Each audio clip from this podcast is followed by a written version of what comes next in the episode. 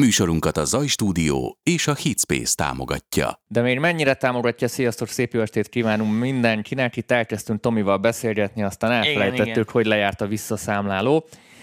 A mikrofon egyik végén Sejei Tomi és Bánkuti Dani. Szevasztok, szevasztok, szevasztok! Üdvözöljük a Facebookosokat, üdvözöljük a YouTube-osokat, reméljük velünk vagytok, reméljük mindenki egészséges mindenki, és jól mindenki vagytok. Mindenki támogat mindenkit és betartja a szabályokat, ennek nagyon örülünk. Úgyhogy csapjunk is bele a mai adásunkba, szerintem fantasztikus lesz, és a héten konkrétan még kettő darab adással találkoztok majd ezen kívül. Holnapra megint csináltam ilyen kis tippek, trükköket, amiket hamarosan ti is fogtok csinálni, hiszen van egy pályázatunk egészen május 14-ig, amiben ugyanis oktatókat várunk különböző davokban az MPV csapatába, és az lesz a terv, hogy folyamatosan a szerdán is jönnek váltva a különböző davokban ilyen tippek, trükkök.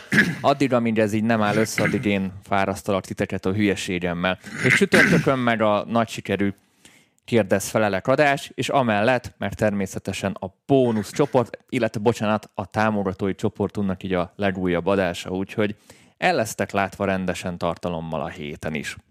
De ne szaladjunk hmm. előre. Ö, Tomival itt agyalgattunk, hogy miről kéne beszélni, egy olyan témáról, amiről eddig nem volt szó, és talán a, a MIDI kérdés az, ami néha így szóba jött, így keyboardok terén, de így, így le is ragadtunk, meg le is ragadt mindenki a, a MIDI keyboardok, meg a MIDI kontrollerek témánál, de azért ez egy sokkal bővebb dolog, és arra gondoltuk, hogy mi lenne, ha kicsit tisztába tennénk a dolgokat, történetileg is, unblock az egész formátumról, az egész protokollról fogunk beszélgetni, ami szerintem mindenkit érint, úgyhogy érdemes lesz velünk tartani. Na, királyság. Na, először akkor tisztázzuk a, a fogalmat, menjünk vissza a történelembe. Szerettem, amikor a történeteket meséled. Nézzük, Igen, hogy... Szereted? Jó van. Kezdem megszeretni. Nézzük, hogy mi fánterem az egész, miért volt erre szükség, mi volt előtte, így nézzük itt a, a történeti dolgokat, aztán természetesen a témával kapcsolatban várjuk a kérdéseket YouTube-on is és Facebookon is komment formájában, hogy egy kicsit így interaktívabb legyen az adás. No. Na, királyság. Ö, hát a leges-leges leges legfontosabb ugye az, hogy a, a 70-es években, amikor már így elkezdett ilyen az analóg szintetizátorok, mert így ismerik az emberek, tehát az analóg szintetizátorok elkezdtek így mindenféle szintetizátorokat gyártogatni, akkor ugye a legtöbb analóg szintit gyakorlatilag ilyen CV-jelekkel lehetett vezérelni, Tehát. és a legtöbb gyártó szintetizátorai egymással se voltak kompatibilisek. Tehát ezt a CV-t egy kicsit fejtsük, ezt a control volt Ez a control volt is, hát nem akarok ebben a CV-ről is csináltunk egyszer egy külön. A lényeg az az, hogy ezek analóg feszültségekkel eh, lehetett ilyen külső jelforrásokból eh, vezérelni ezeket a szintetizátorokat, ami részint bonyolult, Másik részről mondom, nem volt erre egységes megegyezés sem a vezérlő feszültségekben, sem semmilyen szinten. Tehát az egyik szinti 5 voltal ment, a másik 10-zel, a következő 12-vel, a harmadik 3-mal, szóval nem volt erre igazándiból szabvány, ahány gyártó annyiféleképpen gondolta. És hát világos, hogy elég nehéz volt hogy is mondjam neked, bonyolult volt ezeket az analógieleket szerkezgetni, eltárolni, szekvencelni. Mert nyilván itt, a, itt egy, rendszert, egy rendszert épít az ember, és itt I- kéne, hogy kommunikáljanak de... egymás között, gondolom a dolgok rendesen. Hát nem csak az volt a, a fő probléma, hanem az, hogy gondolj bele, hogy a szinti zenék azok tele voltak mindenféle ilyen szekvenciális dolgokkal. Most, hogy az egyszerű ilyen arpeggióktól kezdve, nem tudom is, és most hát volt egy csomó arpeggiát, igen. sequencer. Ez nagyon jellemző volt a 70-es évekre, de világos, hogy ezeknek megvoltak a limitációi, hogy hány darab lépést tudott eltárolni, és a többi, és a többi, és a többi. És világos, hogy mondom, egymással sem nagyon voltak kompatibilisek egy csomó esetben ezek a rendszerek. Úgyhogy Úgyhogy arra, hogy, hogy, hogy ezt ilyen szempontból ö, egységesítsék, ez a igény, vagy nem tudom, hogy fogalmazom, ez, ez, ez, már sokkal előbb megjelenik. E, és ugye már film végén már látni lehet, hogy itt az igazán nagy true a, a, digitális kommunikáció fogja jelenteni ezek között, a hangszerek között, hiszen nagyon kevés uh, olyan, uh, nem is tudom, hogy mondjam neked, vezérlőjelet kell átvinni, mondjuk az egyik hangszer meg a másik hangszer között, amihez egy ilyen folytonos jelátvitelre igazándiból szükség lenne, hiszen a, szint, a zenei hangoknál billentyűket nyomkodunk, érted, a szintetizátoroknál is ugye diszkrét hangokat nyomkodsz általában, a kettő között ritkán kreálsz bármit is, vagy hogyha kreálsz valamit is, akkor ugye ott a, egy ilyen pitch vagy egy glide oldod ezt meg, ami nem ilyen skála, Aha. skála hang. Úgyhogy, úgyhogy ilyen elég kézenfekvő is volt ebből a szempontból is az, hogy ezt valószínű, hogy egyszerűen és jól lehet digitalizálni. Itt az volt a lényeg, hogy ki kellett találni, meg kellett alkotni egy olyan vezérlő rendszert, egy olyan nyelvezetet, érted a szintetizátoroknak, egy programozási nyelvet, akkor hogyha így jobban tetszik, amihez minden gyártó ö, csatlakozni tud, és hogy egységesítsék ezt a fajta szinti vezérlést. Igen, um, akkor te, kb. ez így a 80-as évek elején volt kb. nem? Igazán, megmondom neked, k- kicsit most így puskázok, mert ezt a 81-re emlékeztem, tehát 1980-ba. Uh, de a, a, a szabvány az, uh, az kérlek szépen 1981. októberében mutatták be az AES, tehát az Audio Engineering Society uh, egyik ilyen rendezvényén, vagy ilyen bemutatóján, és um, ami igazándiból érdekes ebből a dologba, hogy eh, ebben a, a, a nagy részt, a fejlesztésnek a nagy részét így is szokták hívni az öreget, hogy a, a MIDI, a Father of the MIDI, azaz a MIDI apja, uh, D. Smith bácsi, ugye, aki most a D. Smith instrumentet csinálja. Régebben ugye a Sequential Circuits volt ilyen társ mérnök vagy tulajdonos, és ő vett ebben nagy részt részt, tehát neki köszönhető Uh-huh. Az, hogy ez ilyen gyorsan és hamar és frankó megvalósult. A rendszer elég profin ki lett találva, tehát most csak ilyen nagyon, de majd ki fogom ezt mindjárt fejteni a műsorba később, de egyszerűen szóval, hogy ezt most úgy képzeljétek el, ezt a midit, amiben ezt igazániból nehéz volt kitalálni, hogy hogy csinálni kellett igazániból egy kommunikációs nyelvet a szintetizátorok között, amit ugye digitális kommunikációs nyelv, mint például mondjuk a, a nyomtatóknál érted, a PostScript vezérlés. Vagy mondjuk a webben a HTTP nyomtató, protokoll. Vagy a, igen, a HTTP protokoll, így van, a stb. stb. Tehát ezek, vagy a Java, vagy nem tudom én, tehát egy ilyen, egy ilyen nyelvezetet, ami kommandokat lehet adni a hangszereknek, és akkor ezt a hangszerek megértik, és végrehajt. Uh-huh. Tulajdonképpen itt ez a, ez a lényeg, tehát egy ilyen, egy ilyen kis komputerhálózatot akartak kiépíteni, aminek ugye az volt a lényege, hogy hasonlóképpen mondjuk, mint egy Ethernet háló, Uh-huh. Ezt szabadon lehessen kibe dugdosgatni, ugye hát soros átvitel, messzire el lehessen vinni a kábelen a jelet, tehát hogy ne legyen nagyon érzékeny ezekre a dolgokra, egyszerű kábeleket lehessen használni, szóval ezek a, a, a, a szempontok, e, és e, mivel nagyon e, nagyon frankón és nagyon hatékonyan kitalálták azt, hogy hogyan kell ezeket a parancsokat átvinni, meg megoldani.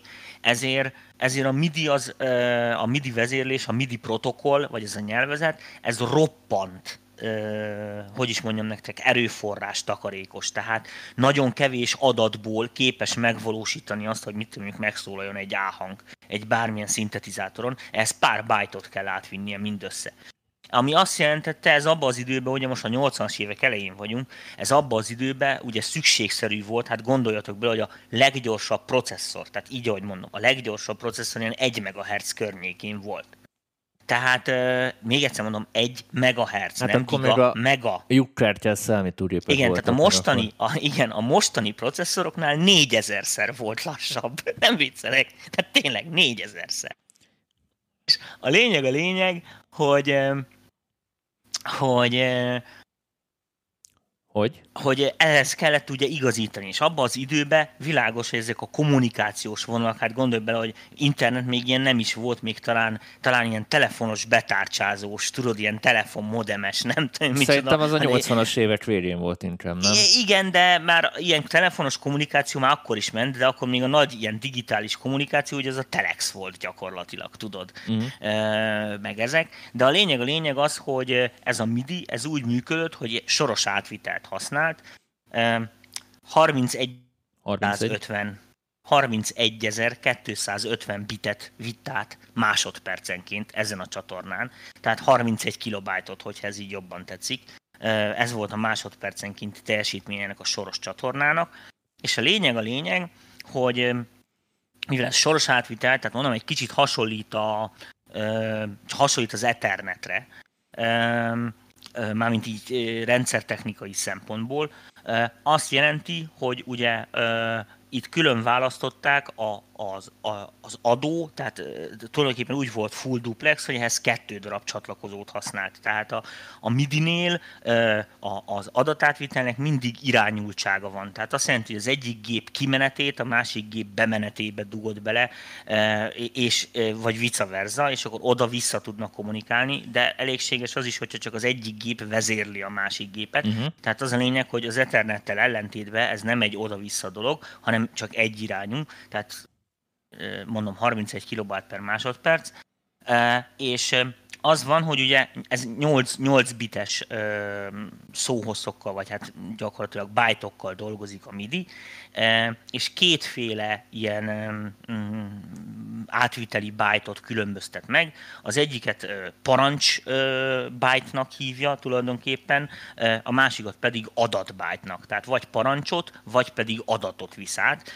Ezt az első bitjével különbözteti meg a meg az átvitt bájtoknak. Ugye 8 bit 256 információ fér rá, így az első bitet erre elhasználja, hogy command vagy nem, így gyakorlatilag 128 féle információ vihető át, és ugye a parancs mm, a parancs oldalon ez a dolog úgy néz ki, hogy mondjuk kap egy parancsot egy gép, tehát látja, hogy mit tenni, parancs érkezik, utána ugye ez elhasznál egy bitet a nyolcból, még felhasználnak három bitet arra, hogy ez a parancs, ez kinek szól. Igazándiból a MIDI, MIDI-n keresztül, tehát ezeken a kábeleken keresztül logikailag 16 darab csatornát, ilyen kommunikációs csatornát különböztetnek meg.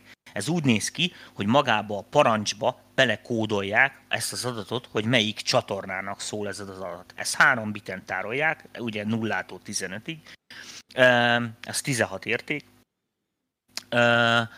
Rossz, jó mondom? Nem, bocsánat, négy biten buta vagyok. Négy biten tárolják, és a maradék három biten, amin ugye nyolcféle dolgot lehet tárolni, ott a különböző parancsok érkeznek. Ilyenek, mint a hogy note-on, note-off, control change, program change, after touch, program change, polyphonic after touch, mi van még, system exclusive, és time, tehát ilyen időadat. Pitch modulation te, te, tem, tempo. Az a control change Az a control change, van. aha. Tehát ezeket Uh-huh. Ez most a mi szemszögünkből tulajdonképpen mindegy, mert ezeknek van hangzatos elnevezése, csak hogyha valaki szőrcárt akar hasogatni, akkor ha jól emlékszek, én se vagyok már nagyon régen bidiztem ilyen szempontból, de ha jól emlékszek rá, körülbelül ez a felépítése, tehát így néz ki egy, így néz ki egy parancs tulajdonképpen, a, az adatmezők azok egyszerűek, tehát az adatmezőnél van az jelző, hogy ezt adatmező következik, és utána van egy nullától 127-ig ábrázolható érték, tehát tulajdonképpen egy 7 bites adatmező. És a lényeg a lényeg, hogy ezen a 127 variáción például bőven elfér ide a 88 billentyű, mindegyiknek van egy kódja, érted például, hogyha tehát érkezik egy parancs, mondjuk, hogy hogy mit tudom parancs érkezik háromas csatornára, bekapcsol egy hangot, nóton, tehát uh-huh. leütöttek egy billentyűt. És akkor utána jön egy adat, ami meg megmondja, hogy melyik billentyűt ütötték le, érted? Hiszen a parancs az ennyi volt. És utána jön ennek egy adatja, hogy mennyi, melyik billentyűt ütötték le. És akkor az, érted, az a 127-es értéken elfér. Utána jön még egy adatmező, uh-huh. note on parancshoz ez hozzátartozik, ami az, hogy ezt a billentyűt mekkora erővel ütötték meg, tehát mekkora volt a velocity-je. Így egy csomó adatot az egyik hangszer tulajdonképpen átbír vinni a másik hangszerre. Tehát tulajdonképpen egy e, ebben az esetben ilyen jellegű ö, utasításokkal, vagy egyéb ilyen dolgokkal kommunikálnak ezek a szintetizátorok egymással. Tehát azzal, hogyha az egyik szintetizátorral vezéreljük a másikat, akkor ebben az mi szintetizátorunkban, amin játszunk a keyboardon, az a keyboardnak ugye a jeleit átalakítja ilyen jellegű parancsokká kompjúter, lefordítja, ezt felteszi a MIDI kábelre, ez eljut a másik szintetizátorig, az befordítja saját magának, és megszólaltatja az adott hangot, hogyha erre képes, vagy, vagy hogyha ezeket az utasításokat képes végrehajtani. Tehát kicsit konyha nyelven ez a nyelvük. A, tehát ez egy közös Így van, nyelv. ezért mondom, hogy ez, egy, ez, egy, ez egyfajta kommunikációs nyelv. Na most a legérdekesebb abba, ebben az, hogy mivel uh, látszik az, hogy uh, a mai szemmel nézve uh-huh. uh, ez rettenetesen hely, hely és adattakarékos. Tehát mit tűnik egy, egy, egy bonyolultabb nótánál is, érted, mint egy 5 perces dalnál se nagyon kell pár kilobájt adatnál többet mozgatni, érted, az 5 perc alatt. Hát töltsetek le egy MIDI fájlt, és látjátok, hogy ezek nagyon igen, igen, fájlok. igen, igen. Így van. Na most ezért később, amikor aztán mit tudom, 80-as évek elején már voltak ilyenek, de aztán később, amikor olcsóbb lesz még jobban a, a digitalizálás, meg a, a bocsánat, digitalizálás, mm. számítógépes rendszerek, meg az ilyen mikroprocesszorok, meg ilyesmi, akkor ugye főleg így a 80-as évek elején nyakra főre jelennek meg ezek a hardware szekvenszerek, nem tudok jobbat mondani, ezek, ezek arra voltak tulajdonképpen, vagy arra valók voltak, mint most a Computer és Cubase nevezetű kombó programunk. Érted? Tehát egy, egy, egy célmasinát képzelj el, ami ugyanezt csinálta neked, mint hogy a Cubase fel tudja venni a MIDI-t, ugyanez, erre voltak ilyen szekvenszernek nevezett cuccok. Aztán még később ezeket beépítették egy szintetizátorba, mármint yeah. a szintetizátorba be volt építve. Így készültek a, igen, igen, így készültek az első workstation érted? Hiszen ezekben már dalokat fel lehetett játszani, megjegyezgette, érted, el lehetett bennük tárolni, stb. stb. Tehát nem csak uh, szintézis, tehát szint, szintetizálás, uh-huh. engine. Um, de a, mi szemszögünkből az a nagyon lényeges, hogy mivel kevés, tehát kevés ilyen digitális adatot kellett tárolgatni, ezért a szekvenszernél például a legegyszerűbb, nagyon egyszerűen meg lehetett oldani, hiszen elindítasz egy órát, érted, a szekvenszert elindítod, elindul egy óra, és ugye amikor te leütsz egy billentyűt, azt ugye a, a, a szintetizátor átalakítja MIDI adattá, a szekvenszer megfogja ezeket a digitális jeleket, és a megfelelő időponttal, tehát besztempeli, hogy mit tudom én, ez uh-huh. a negyedik ütem, 27 izé mikrosekundumának a nem tudom, ah, és akkor akkor szóljon gombot, és, akkor, és akkor akkor szólal meg, és ennyit kell neki mindössze letárolni. És így gyakorlatilag kialakulnak Uh-huh. Ezek a szongok, ezek a nóták, ezek a MIDI fájlok, ahogy most ismerjük őket, tehát, hogy ezeket a MIDI adatokat ilyen jellegű időkóddal ellátva tárolgatják, és így gyakorlatilag el van tárolva a dal, meg amit ott a zenészek ugye nyomkodtak a billentyűn, Tehát a, ezek a karaoke gépek is így működtek, nem ezek, a, ami egy MIDI, file, MIDI file bejátszanak, és akkor... Hát a karaoke az ö, sok mindenféleképpen működhetett, de a lényeg, a lényeg, amit most nekünk meg kell egyezni, ez uh-huh. Fú, a mostani fiataloknak hogy tudom ezt elmagyarázni, mert ők már nem ehhez szoktak hozzá. Um, Képzeljétek el a következőt, hogy amikor, amikor um, nem, nem, nem tudok rá jó példát mondani, tehát um, most is vannak ilyen protokollok, világos, tehát az USB-től kezdve a nem tudom micsodát érted, a, a, a, a, a videókártya vezérlő protokolljaid, a DirectX, meg a nem tudom micsodák, ezek ugyanilyen nyelvezetek, amik arra valók, hogy ilyen bonyolult gépeket vezéreljenek, és akkor mindenféle videókártya érted, ami az adott nyelvezetet ismeri, azt ugye tudja használni mondjuk a játékprogram, hiszen ismeri azt a, azt a DirectX verziót, stb. stb. stb. Ami ugye meg van határozva, hogy egy DirectX utasításnál mit kell csinálnia. Az egy másik kérdés, a különböző videókártyák esetleg különböző képe jelenítik meg, az egyiken a kék egy kicsit emilyen, a másikon amolyan, és stb., de hát végig is meg uh-huh. Ez a féle MIDI, ez egy ugyanilyen nyelvezet volt, tehát ami leírta azt, hogy az ember ott a billentyűzeten, meg a gombokon miket nyomkod, meg mit csinál, és ezeket a másik szintetizátornak el, vagy el tudta tárolni ott is, meg a másik szintinek át lehetett adni. Most erre talán az USB a legjobb példa, az USB talán a legjobb példa, hogy most valaki kitalált egy, egy, egy, egy, egy protokollt, mint az USB-t, egy átvitelit, és mindenki ezt teszi a telefonra, a tabletekre, hiszen mindenki nem akar három-négy fajta kábellel mászkálni, hanem egységes legyen, és tudod, az EU is próbálta itt egységesíteni, az Apple próbálja ö, forszírozni, hogy ezt a Lightning kábelt engedjék el, és menjenek vissza a, a mini USB-re, tehát körülbelül így kell elképzelni, hogy arra lettek mondjuk a, a szintetizátorgyártók így hát, egy kicsit fia, mindenki, erősítve, mindenki hogy... hisz mindenbe, itt a legnagyobb probléma az mindig az, Dani, hogyha hogyha egy szabványt, hogy is mondjam neked, nem, nem tart be mindenki pontosan, akkor káosz van. a szabványnak. Igen. Persze.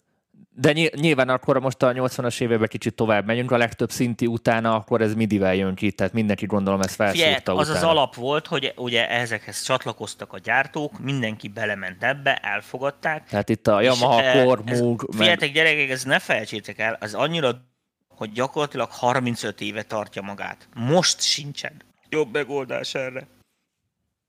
Tehát tényleg, nincsen jobb megoldás pillanatban.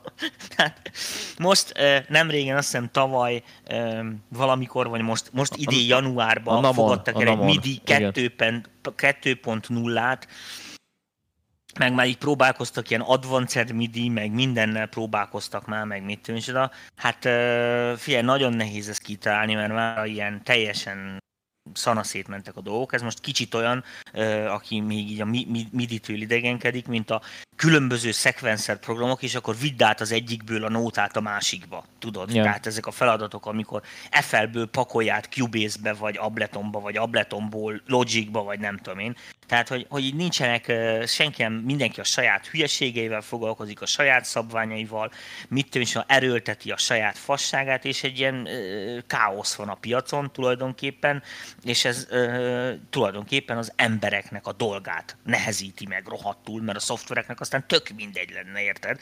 Csak hát világos, hogy mert pénzt akarnak keresni, azért mindenki a saját hülyeségeit erőlteti és nem hajlandóak ö, engedni a 21-ből, ahogy szokták mondani. Uh-huh. 19-ből, vagy hogy van a közmondás, nem tudom.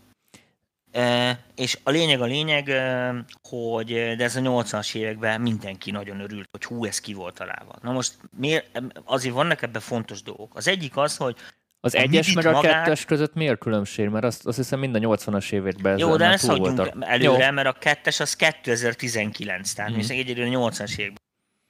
A lényeg a lényeg, hogy ez így önmagában, hogy ez ki van találva, ez a vezérlő protokoll, ez nagyon fontos dolog, de ezt ugye ne felejtsétek el, ezt meg kell valósítani hardveren is. Tehát építeni kellett egy MIDI csatlakozót, azt ki kell találni, hogy hogy néz, uh-huh. hány volt, stb. stb. Ez egy, nagyon egyszerűen ki volt találva, ez egy ilyen ötpólusú, hát hogyha még az öregebbek emlékeznek rá, Tuhel, a DIN ajzat, ugye ez a németes uh, Tuhel, ilyen ötpólusú, ilyen kerek alakú csatlakozó,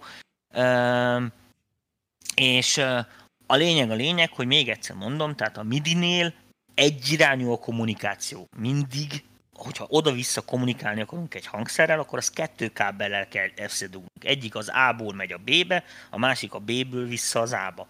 Tehát ezért uh, van a vezérlőkön is kettő, mert az egyikkel irányítod, a másikkal meg fogadod.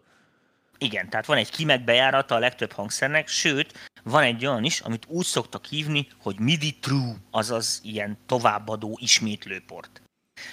De az, más, nagyon az más csatlakozó is, nem? A MIDI true. Nem, ugyanaz. Ugyanolyan?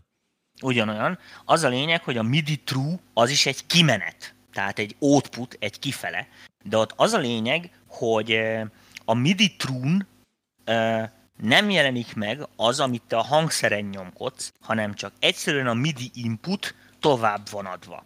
Ez azért fontos, hogy egymás után tud fűzni a hangszereket. Tehát ez, oly, ez olyan, mint egy átjátszó mondjuk a routernél. Igen, igen, igen, igen, igen, igen. Mm. Tehát úgy néz ki, hogy ha mondjuk neked van egy szekvenszered, most ebben az esetben ugye legyen a számító, mm. van valami MIDI, MIDIs, mm. vagy egy speciális MIDI kártyád, amin ugye vannak ilyen MIDI portok, ilyen kimenetek, és akkor azt mondod, hogy mit én, van nekem négy darab uh, monofón analóg szintetizátorom, amiken van MIDI.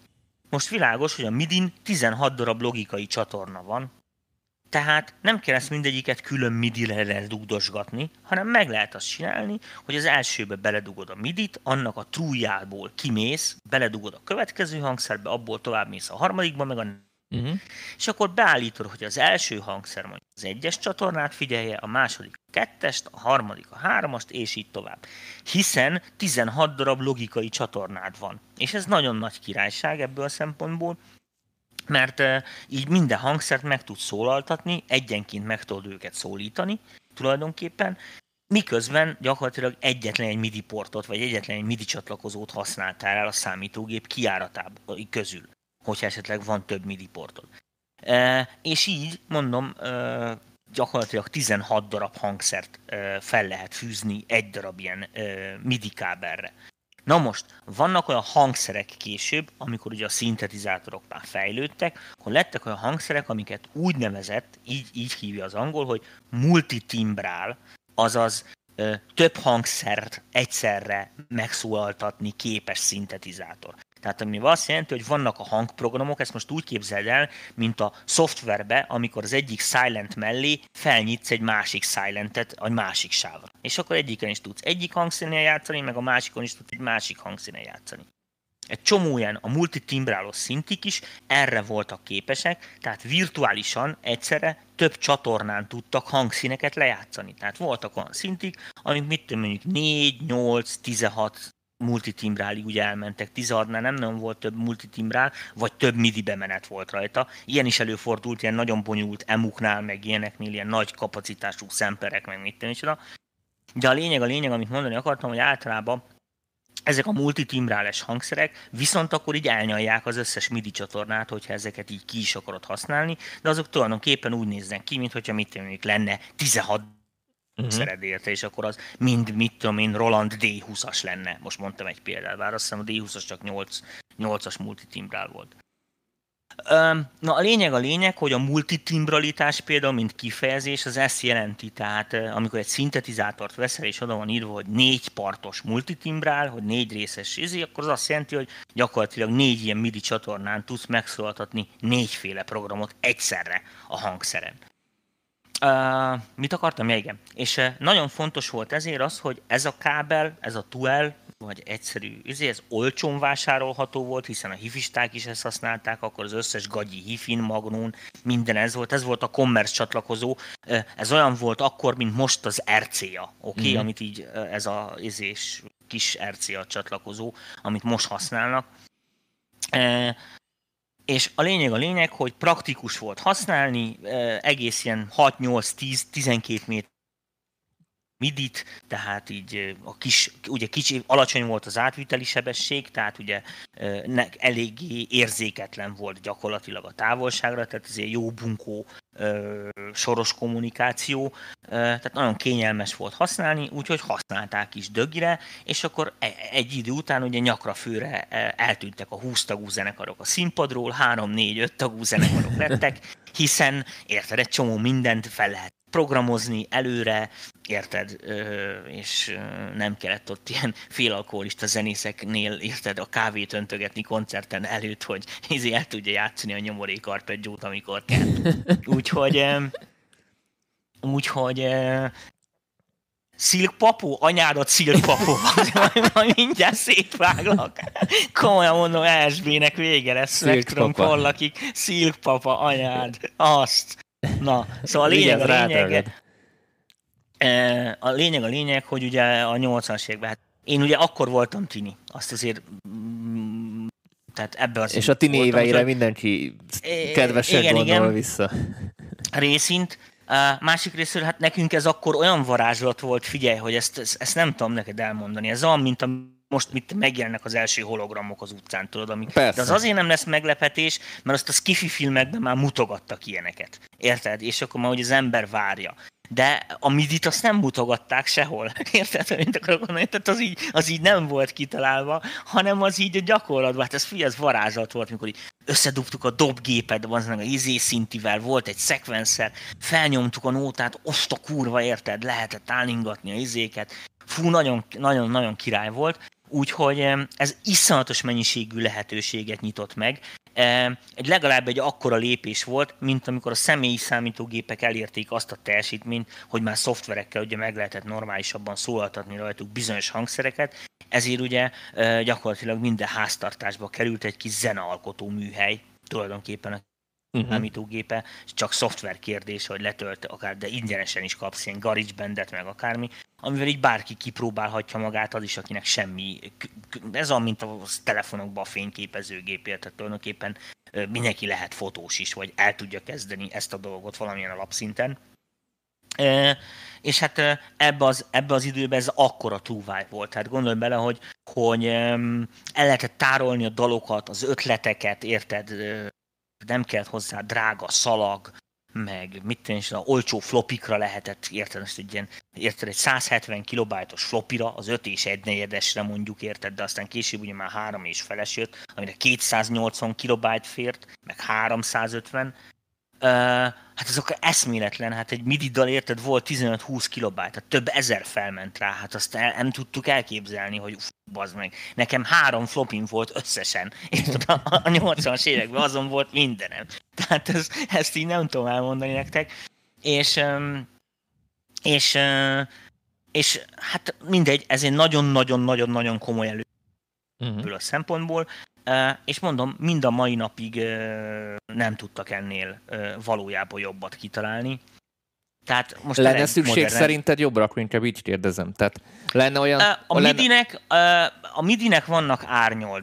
Na. Ugye a, a, az árnyoldalakat...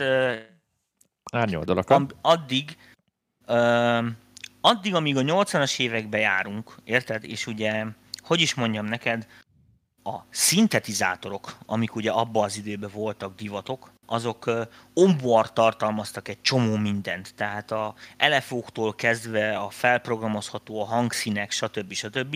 És az embereknek nem volt ez a mindent húzogassunk messziről, vezéreljünk, nem tudom micsoda mizériája. Tehát addig, amíg csak ilyen egyszerű hangokat kellett, tehát tényleg ilyen nótonokat, offokat, stb. kellett átvinni, és nem 500 sávon 400 léjert, meg nem tudom micsoda, meg nem ilyen megalománba mentek az emberek, addig ez a soros átvitel teljesen jó működött.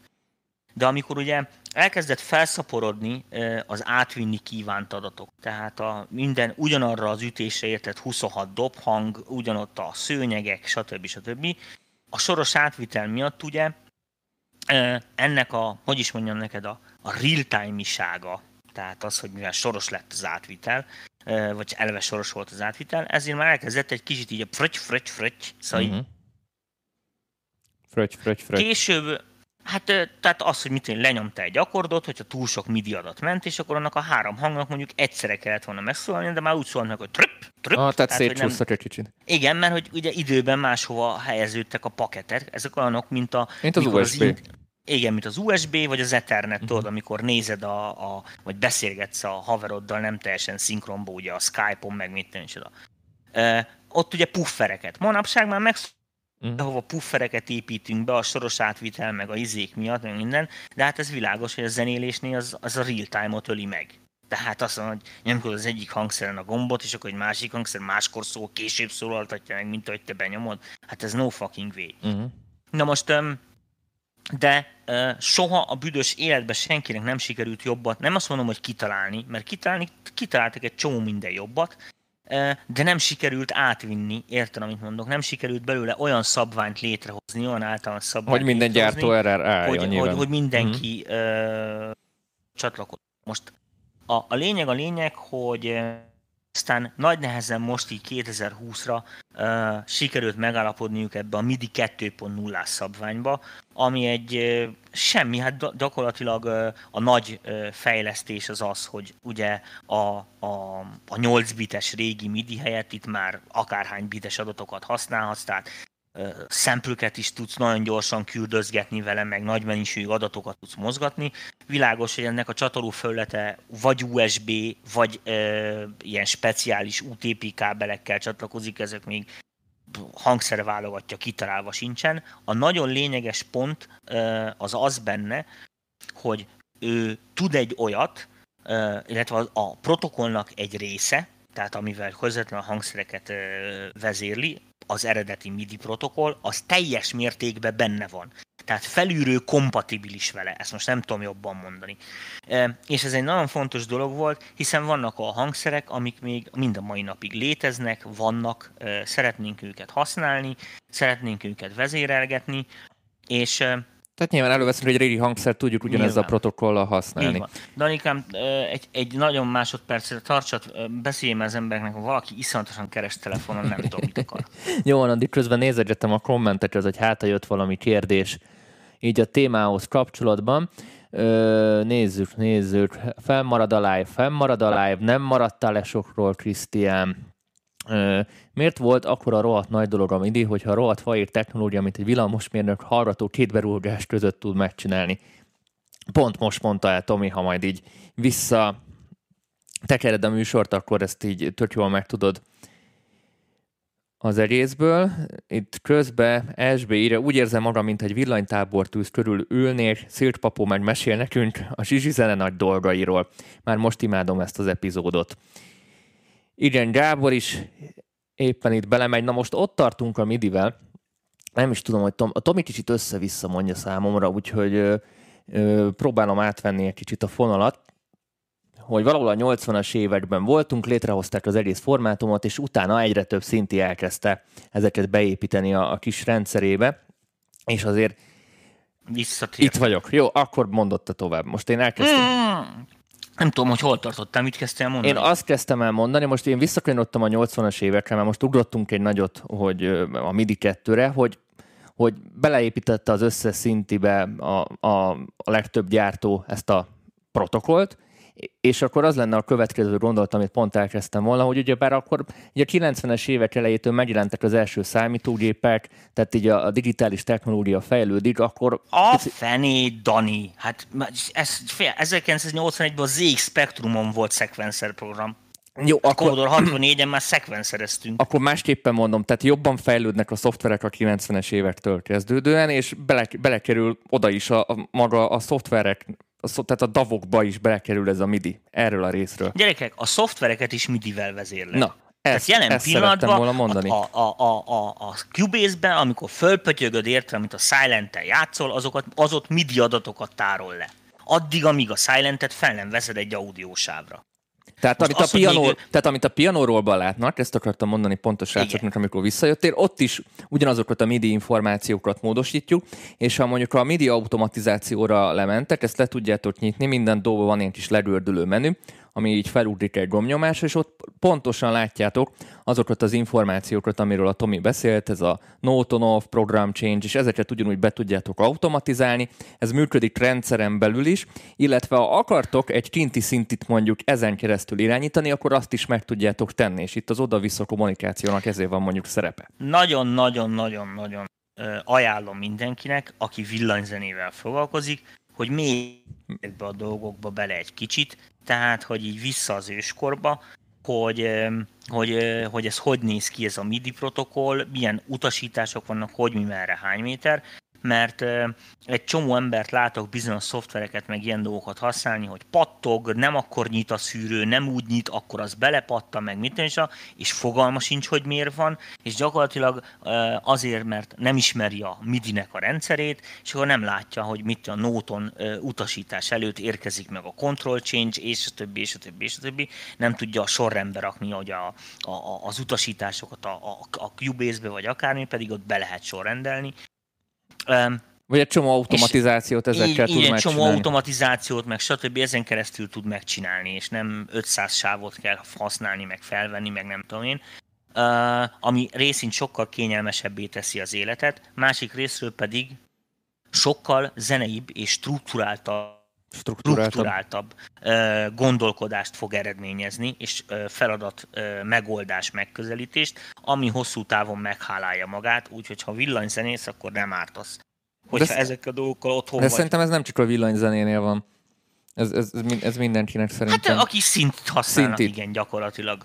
Így van. Akik, akik bármilyen szinten ö, szintetizátort használnak, vezérelgetnek, stb., az nem árt, hogyha ezekkel ö, a dolgokkal ö, kurvá be van, és attól függetlenül, hogy most a MIDI 2.0 jön ki, mondom, ugyanazok a MIDI 1-es, tehát ugyanez a, hogy is mondjam neked, ugyanez a gondolkodásmód érvényesül ott is. Ott annyi van, hogy mit én, 256 csatorna van a 16 csatorna helyett, tehát 16x16 csatorna van, sokkal több lehetőség van a különböző kontrolladatoknak a küldözgetésére, finomabb kontrollereket tudsz küldeni, gyakorlatilag ennyi. Apropó ilyen kezdőhibák, ami, amiben én is beleszoktam szaladni így a srácok által. Nagyon sokan dolgoznak például úgy a kezdők, hogy mondjuk letöltenek ilyen MIDI fájlokat az internetről. Lehet, hogy a kedvenc dalához akar remixet, és a MIDI fájlban benne vannak nyilván az akkordok, meg az információk, és nem kell újra feljátszani, csak rögtön már hangszerelheti meg vagy mondjuk vannak ilyen vásárlós MIDI pakkok, amiben ilyen dallamokat tudnak vásárolni a srácok, és sok esetben nem értik, hogy miért történnek fura dolgok a projekten belül, és pont azért, mert ezek a MIDI adatok tartalmaznak automatizációkat is sok esetben, és ezeket Igen. ki kell nullázni, mert akkor, Így van. mert például van egy program change benne, akkor az váltogatja a preseteket, most attól függően, Így hogy van. éppen miben vagy. Tehát, és ez pont az, a MIDI automatizációban tudjátok megnézni minden dovba, így legördül, és akkor ezeket így ki kell nullázni általában ilyen értéket, ilyen, nulla, ilyen értékek van, ilyen 64 ig vagy hogy szokták ezt, 64 vagy 128-ig lehet ezeket így beautomatizálni, most így nem vágom fel. A lényeg az, hogy ezt így ki kell nullázni, ki kell ezeket törölni, és akkor ezek nem fognak így ezekbe beleszólni. Persze, hát azért mondom, hogy ezeket a, a MIDI protokollokat szinte bármelyik régebbi szintetizátornak fogod a, a user manuáját, akkor az utolsó, legutolsó, a végén, a technikai adatok után lesz egy úgynevezett ilyen MIDI implementációs leírás. Tehát, hogy a hangszeren milyen MIDI parancsokkal mit fogsz tudni csinálni, és a többi. Azokból nagyon sok mindent meg lehet tudni. A hangszerről is meg, meg arról is, hogy mit lehet ezzel kezdeni, meg egyáltalán, hogy ezek a dolgok, ezek a MIDI hogy működnek.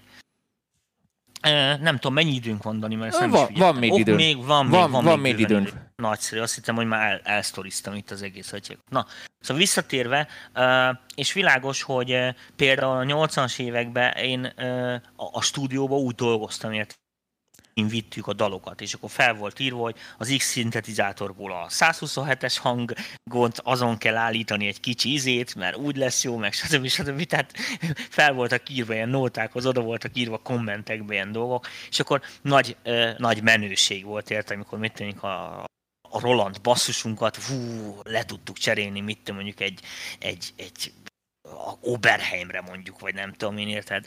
És és hát ezeket mindig lehetett így fejleszgetni a dalokat, meg mit is, tehát mm. tulajdonképpen ez ment. Na most a legnagyobb, legérdekesebb megoldás az az volt, hogy hát ugye amikor már készen volt egy dallal, azért csak fel kellett volna hozzávenni éneket, vagy egy kis gitárt még, vagy mit, tehát éneket mindenféleképpen. Mm. Igen ám, csak hogy hát abban az időben még nem voltak artist recorderek fűbe se. Tehát nem volt ám ilyen érted, hogy a komputeren felvezed a atyákot az valami magnó. Hát a magnó, hát az a magnó, akkor az most akkor hogy legyen, érted? Most, hogyha a magnóra felvettük az egész zenét, érted, akkor mielőtt még ugye hozzáénekeltünk volna, meg kellett volna keverni a számot. Érted? Persze. Hiszen, hogyha felveszem sztereóba, érted, amit mondok, akkor, akkor ezért mondjuk egy, mit egy négy sávos magnón, érted, vagy egy nyolc sávos magnó, ami elérhető volt, érted, maximum, hát ott ezt mi a szart csinálják. És akkor emlékszek rá, hogy volt egy olyan lehetőség, úgy hívták, hogy longitudinál, analóg longitudinál timecode. És akkor voltak olyan szekvenszerek, amin voltak ilyen, ilyen, ilyen jellegű kimenetek, ami a következő tud. Következő Fogtad, ö, ö, fogtad a analóg szalagot, kijelölted az egyik sávot. Mit tűnik, hogy a 8 sávos magnumi általában a 8-as sávot használjuk. Erre a legutolsót. Arra fel, felírtunk így a szalagnak az elejétől a végéig egy egy ilyen, vagy a nóta elejétől végig, egy ilyen úgynevezett ilyen MIDI timecode információ. Tehát, tehát tulajdonképpen egy ilyen egy ilyen digitális adat folyam így ment folyamatosan, aminek az volt a lényege, hogy ugye ez gyakorlatilag egy, egy tempó fel volt írva a szalagra.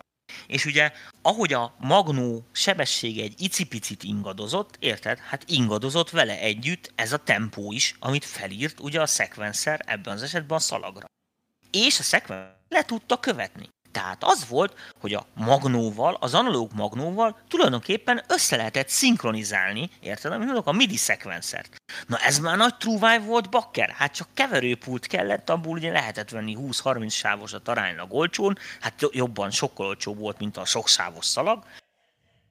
És akkor ez az volt, hogy akkor maradt hét sávunk énekelni, meg egyéb ilyen dolgokat felvenni, hiszen az összes hangszert azt nem kellett felvennünk a szintetizátorokat, mert azok tudtak jönni ugye real time-ba, a midin keresztül lehetett őket vezérelni, és az kiszámítható volt. És, ezért. és én nagyon sokáig emlékszek rá, hogy éveken keresztül dolgoztunk, tehát még a, még a, a, a 90-es évek elején is abszolút ez ment. Amikor aztán elkezdődött még a, még a davok a, a legelején.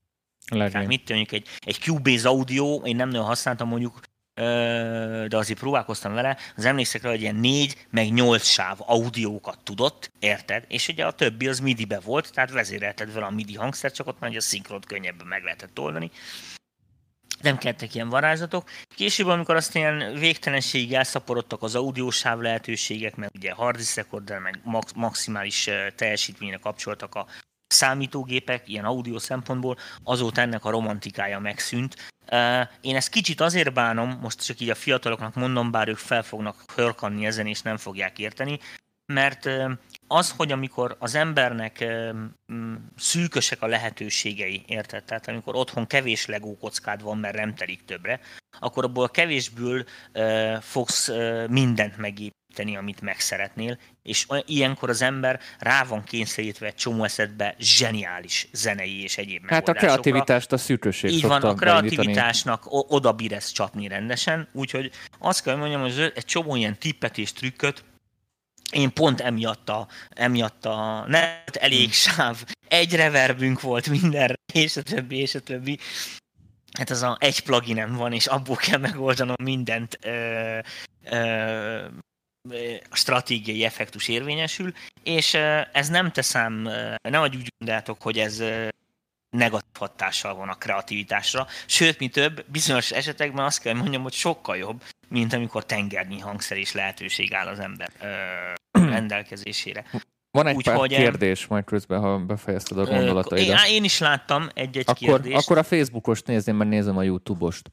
Jó, Facebookon uh, most a hülyeséget leszámít, hülyeséget leszámítva. Hogy milyen minőség, tehát milyen hangkártyán, milyen minőségbe szólalt meg a MIDI, és ez mind múlt. Amit ő akar kérdezni, ez a következő volt, hogy gyakorlatilag volt egy olyan időszak a számítógépes zenélésben, amikor amikor most mondjuk egy silentbe be vannak pakolva szoftveresen, azokat úgynevezett ilyen hardveres hangkártyákra tették fel. Tehát DSP-kre voltak felprogramozva ezek, amikor még ugye nem voltak elég nagy teljesítményűek a számítógép processzorai, és nem állt elég erőforrás a rendelkezésre. Ezért tulajdonképpen ezek ilyen félig ilyen integrált szintetizátort, fél, fél szintetizátorokat tartalmazó ilyen hangkártyák voltak, volt ezekből sokféle, volt, ami FM-et tudott, de a legtöbb az ilyen PCM, tehát ilyen sample base alapú lejátszó volt, tehát ugye tényleg a híresebbek az Adlib, a, a Soundblasterek, ugye a Soundblaster széria, aztán mi volt az, azt nagyon szerették a, a mm, mindegy, volt egy jó, pár ilyen szuper kis hangkártya. Igen, ezeknek az határozta meg, hogy milyen hangokat tudnak lejátszani, hogy mit tudod maga a Synth Engine, ami ugye rá volt téve a hangkártyára. De mm, kaptam MIDI adatokat, és tulajdonképpen egy ilyen szintetizátor volt ott megvalósítva, ilyen hard hardware szinten a hangkártyában. Ez ugyanaz, mint a Commodore 64-en is kurva jó zenéket lehetett csinálni, azért, mert benne volt egy, egy gyakorlatilag egy egy analóg szintetizátor összeintegrálva egy ilyen egy darab csipre, ezt SID-nek nevezték, uh-huh. ilyen uh, három hang plusz, tehát három oszcillátor plusz egy zajgenerátor. Izék, szűrők, burkológörbék, mindez analógva, úgy, hogy digitálisan volt vezérelhető számítógépről, közvetlen ugye parancsokkal, de zseniális megoldás, kurva jó szólt, érted? Úgyhogy azért voltak iszonyatosan jó zenék például a Commodore 64-en. Úgyhogy azokban az időkben azért ezeket a, a számítógépeknél használtak ezeket a hibrid technológiákat. Ugyan, ez ugyanolyan, mint most a, a pluginekhez az UAT kártya. Tehát ez egy hibrid technológia, hiszen a kártya maga tartalmazza azokat a speciális DSP meg számító, számítógép alkatrészeket, amik szükségesek ahhoz, hogy azokat a plugineket részint elfuttasd, másik részről pedig, hogy speciális funkciókat valósítsanak meg vele. Ez persze a szoftver uh-huh. a, a, a dolga. De tulajdonképpen erről volt szó és ezt tett különbséget. Na most egy dologról azért még kell beszélnünk, később, amikor ez a MIDI egy ilyen általános szabványá vált, és a MIDI file mint olyan, ezt most nem tudom jobban mondani, tehát ezek a szekvenszerek eltárolgattak a szongok, meg mit is a MIDI-be, ez egy ilyen, hogy is mondjam neked, egy ilyen csereszabatos dolog lett, érted? Tehát ugye a vendéglátó zenészek cserélgették egymás között a nótákat, hogy ó, figyelj, uh, izé, nyílik még a rózsát, nekem mit be, én meg odadom neked a, a 16 tonna fekete szenet érted, és akkor na, így cserélgetik egymással a dalokat. Sőt, voltak olyan emberek, akik ebből éltek, hogy nótákat blattoltak fel midibe, és adogatták el ugye a bot, botfűrűbb zenészeknek, vagy a lustább zenészeknek. E, és ugye abban az időben e, a Roland e, erőltette ezt főként, aki ilyen próbálta a, szintetizátor piacot ilyen olcsóbb commerce hangmodulokkal így el, elárasztani, hiszen a zenélés az, mondom, elkezdett beköltözni a, a, a, az otthonokba, és akkor kitalálták ezt a General MIDI GM szabványt, aminek az volt a lényege, hogy azt mondták, hogy mostantól kezdve nem csak a parancsok legyenek azonosak a szintikbe, hanem határozzuk meg, hogy az első 256 hangszín az minden szintibe ugyanaz legyen. Tehát uh-huh. az mhm. egyes az mindegyikben zongora legyen, a kettes az egy fényesebb zongora, a hármas egy sötétebb zongora, Itt jön a karaoke gép, amiről beszélek. E, igen, a négyes egy templomi orgona, stb. És akkor erre voltak ajánlások, tehát az a generál MIDI szabvány, Generál erre MIDI. melyik MIDI csatornán milyen hangszínnek lehetnek, és a többi, és a többi. Um, és ugye, hát ezt nem vette mindenki, a legtöbb gyártó le se tojta, de egy csomóan csináltak olyan dolgokat, amik ilyen generál MIDI kompatibilis, vagy nem tudom, hogy fogalmazok, uh-huh. ilyen hangmodulok voltak. Ott azért jók, mert azok a MIDI fájlok, amik meg általában a MIDI fájlokat, azokat úgy írják meg, hogy generál MIDI kompatibilisek is legyenek, azok, azokat ez, ezek a rendszerek így aránylag, ha buta módon is, de meg tudják szólaltatni kisebb-nagyobb, tehát nem kell velük sokat bűvészkedni, hogy ugye meg, meg tudjon szólalni, mit mondjuk egy nyílik még a sárga rózsa. és, és ugye hát ez már ilyen később, ez a 90-es években jön be. 90-es években. Igen, igen. Um, és um, hát még ott sok, sok ilyen kis szabványoskával próbálkoznak így a midin belül is, meg, meg próbálnak bizonyos dolgokat egységesíteni, de ez nem nagyon tehát bizonyos gyártók betartották, a saját portékáikon meg mit mondjuk egy-két másik gyártó, másik klikkesedő egy másik fajta dolgot erőltetett, úgyhogy e, csak azért megvenni egy hangszert, mert hogy generál MIDI kompatibilis, vagy is, ezért teljesen felesleges, mert az emberek egy jó zongorát akar.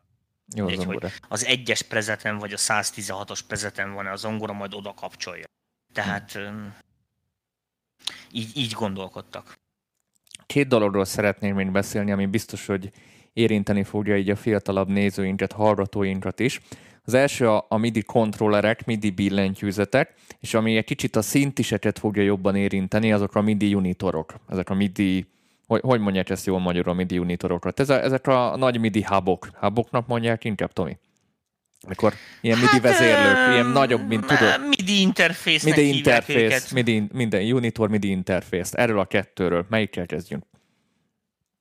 Hát figyelj, ezek, ezek Mondjuk, most... ha valakinek több szintje van, és nem akarja állandóan kibedugdosni őket, akkor annak érdemes Igen, akinek ilyen... több szintje van, az általában tisztában van a MIDI-vel. Uh-huh. Most annyi, hogy amit te két dolgot kiemeltél, tehát ezeket a, a, a MIDI unitort, vagy habot, vagy hívd, ahogy akarod, MIDI kártyát, érted, plusz a, ugye a master keyboardokat, a MIDI vezérlőket, mm. ezek régen is voltak, csak mára már csak ez van piacon.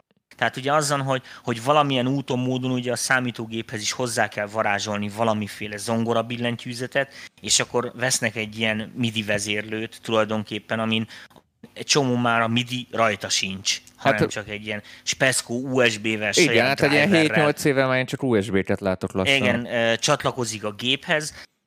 Hát igen, mert úgy sokkal olcsóbb, tudod. Persze és akkor um, ilyen driverből oldják meg, mint és ez nem azt jelenti, hogy ettől ez feltétlenül rosszabb, Rosszabb. Világos, hogy a esetek nagy többségével ugye ez, ez a fajta kompatibilitást lecsökkenti, mert hogyha mondjuk annak a billentyűzetnek érted Macintoson nincs drivere, vagy Linux alatt nincs drivere, akkor, akkor cseszheted. Azért Viszont mi... generál, gene, tehát a MIDI driver az mindenütt. Tehát érted? Tehát a, a, a, a MIDI interfész, meg ezek a izék, azok fognak menni. E, a MIDI adatokat az összes oprendszer érti, hiszen az ilyen szempontból egy teljesen általános szabvány.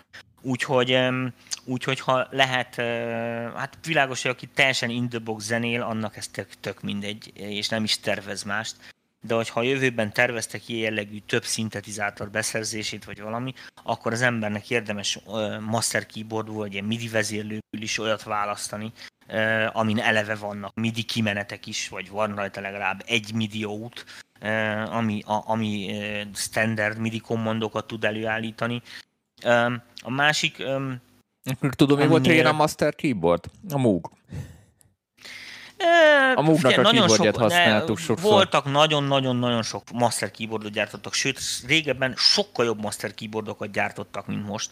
Tehát a leghíresebbek az ilyen, mit én, Oberheimnek is meg itt, és voltak ilyen rendes kalapács mechanikás, tehát megvették egy az egyben, mit tudom, mondjuk egy ilyen, egy ilyen Bösendorfer vagy Stanway mechanikát, nem viccelek, és azt digitalizálták. Érted? 180 kg volt a Master Keyboard, de az, aznak nem zongora szerű billentése volt, hanem az volt konkrétan, igen. Az, az, az konkrétan, tehát ezért hát most már ez nem feltétlen elefántcsont Amúgy, amúgy az in the boxos inkább most, a, de ez a gyártóknál is látszik, hogy az ilyen... Igen, a komputereknél olyan kurvára nincsen értelme a legtöbb esetekben ezeknek a billentyűzeteknek. De most, hiszen, most, pont, most... most pont közbevárta, pont ezt akartam felvezetni, hogy már nem is MIDI billentyűzetek jönnek ilyen mester keyboardok, hanem inkább ezek a kontroll uh, cuccok jönnek ki, mondjuk a, például az Ableton hozott a push, az FL-hez is kijött, tehát ilyen, ilyen uh, külső kontrollerek, külső irányítók, amik, amikkel lehet tapicskolni. Mert az emberek nem tudnak játszani. Nem, nem, igazából próbálják az embereket nyilván a, ebből a szoftveres kattingatásból egy kicsit így kivenni őket, hogy ne kelljen mindent egyére csinálni, vagy billentyűzet kombinációval. Például a push az azért tök zseniális, hogy konkrétan a push 2 szinte lecsukhatod a laptopot, és úgy tudsz zenét szerezni effektíven Figyelj, ez azon olyan, az eszközön. Ez körülbelül ezeket úgy látom, ezeket az eszközöket, mint mondjuk a, a, a, a 17. században, tudod, a, a risporos parók alatt a tetűvakaró. Tehát, Én ezzel nem, ezzel nem, egy, ezzel nem értek annyi van, annyi van, hogy fertőtlen kell, és nem kell tetű, és akkor nem kell tetűvakarót csinálni, tehát ez ilyen, ez ilyen nagyon egyszerű dolog, Persze lehet művészi szinten gyártottak, akkor is tetű vakarót. Érted, amit ez most, ez most olyan, mint a manuálváltó, meg az automataváltó egy picit. Most miért, miért ha mondjuk van egy ilyen kényelmi funkció, amivel mondjuk valaki tényleg utál a, a számítógép előtt görnyedni, vagy állandóan a, mit tudom én már, én gyulladást kap a kattingatástól, akkor ott van egy push, és ott tudja tapicskolni a dolgokat, bet egy csomó minden már ki van oda a, rakva, tudja irányítani, és nagyon kevés dologért kell mondjuk effektíve belenyúlni a szoftverbe, akár ez mondjuk mehet élőzésre, de ha nem is beszélünk élőzésről, az más tészta, de sokkal, sokkal egy, egy másfajta munkafolyamat születik ez alatt, és nem csak ez a kattingatás, tudod? Mondom, szoftver, ez olyan, mint a horgászás szimuláló, horgászás szimuláló program. Ezen nem leszünk egy konszenzus. ez, a, ez a véleményem, attól nem, attól nem tudsz pecázni. Pont, pont valaki betette a csoportba, volt valami egy olyan kontroller, hogy tudod, hogy, ki, hogy kijelzi a, a plugin-t, és akkor így kiosztja a tekerőket, ami éppen a pluginhez tartozik, de hát az olyan, mint mondjuk egy, egy a lényeg, iPad-re kitennéd. Ha sok ember néz bennünket, mondjuk el nekik, mert nem elégszer lehet mondani. Nem elég. Semmi tudásból nulla forintot lehet keresni. Ilyen a világ.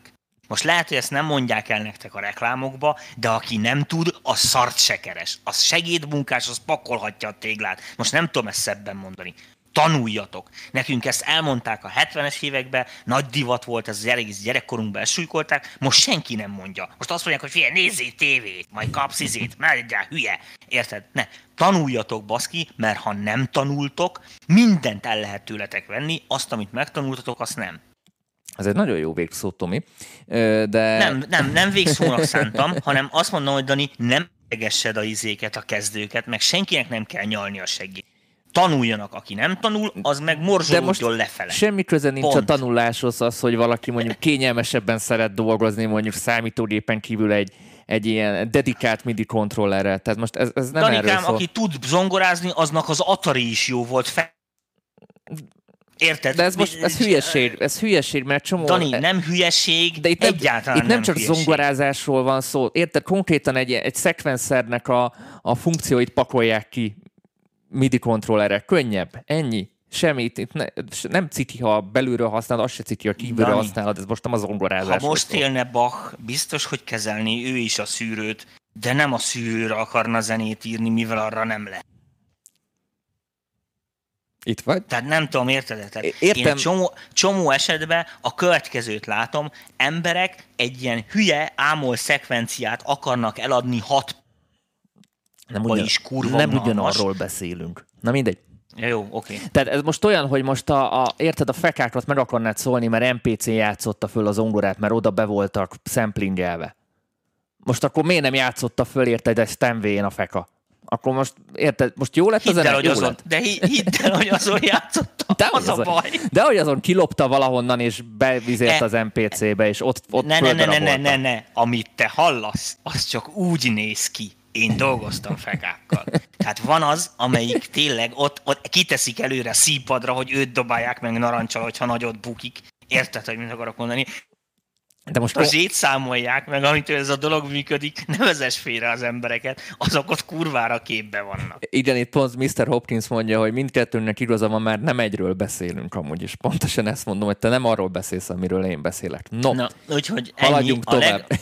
Haladjunk tovább. Tehát a master keyboardok a komputerrel kapcsolatban Ugye mondom, a, a, mi a latency korában élünk, tehát én most ezt úgy jelentezném, hogy az egész, mit én, 1998-ban eljött a latency korszak. Hogy ez meddig tart, azt még nem tudom, de most a latency korszakban vagyunk. Tehát én azt vettem észre, hogy amióta csinálom a zenéket 30 éve a stúdióba, minél újabb számítógépet veszek, annál tovább megy a csík annál csak a progresszbárokat nézem az elmúlt öt évben, az emberek azért fizetnek, mert várunk a progresszbárokra. Világos? Tehát valamit mindig számol a gép, mert nem tudja real megcsinálni, mert olyat akarnak vele csináltatni, amire az nem való. Érted, amit mondok? És, és ez, és ez egy filmet sírva röhögök ezen, mert tényleg nem tudok mit csinálni, hogy, elővettem a múltkor, amit, egyik kollégám egy ilyen kurva régi, kurva régi Pro riget, de olyat képzel el, hogy majdnem fekete-fehér Pro Tools. Bekapcsoltuk, 16 másodperc alatt összeszedte magát a gép, és már lehetett nyomni a rekordot. Nem viccelek. Tehát a, a mostani zégépen percek mire összeszedi a plugint meg a mitősra. Minek? Tehát, érted? És no mindegy, nem akarok ebbe belemenni. A lényeg a lényeg, hogy most úgy látom, hogy a világ egy kicsit kezd visszarendeződni abba, abba az irányba, hogy a zenébe is ugye most, hogy mindenki zenélhetett, most rohadtul szétválasztódik. Egyre messzebb vannak a profik az amatőröktől. Egyre nagyobb a szakadék. Ezzel egyetértek. Tehát, hogyha, Ezzel egyetértek. Hogyha így, e, visszamész a 80-as évekbe, akkor ott az egyszerű gagyi zenekarok se voltak olyan rohadt messze a izéktől, voltak megcsinálva a gagyik is, most iszonyatos távolságok vannak, és az azt jelenti, hogy, hogy a zenébe is elindult egy ilyen zenei elitizmus. Nem tudok rá jobbat mondani. Ez amúgy a társadalomban is megfigyelhető. Meg a társadalomban is megfigyelhető, így van és azt jelenti, hogy mindenki ebbe a felső tízezerbe akar tartozni az adott területen belül, és oda elképesztő elvárások vannak, amikkel be lehet kerülni. Um, De ott anyagilag is elképesztő elvárások vannak. Nem csak Igen, részint, viszont és csak ott lehet pénzt keresni.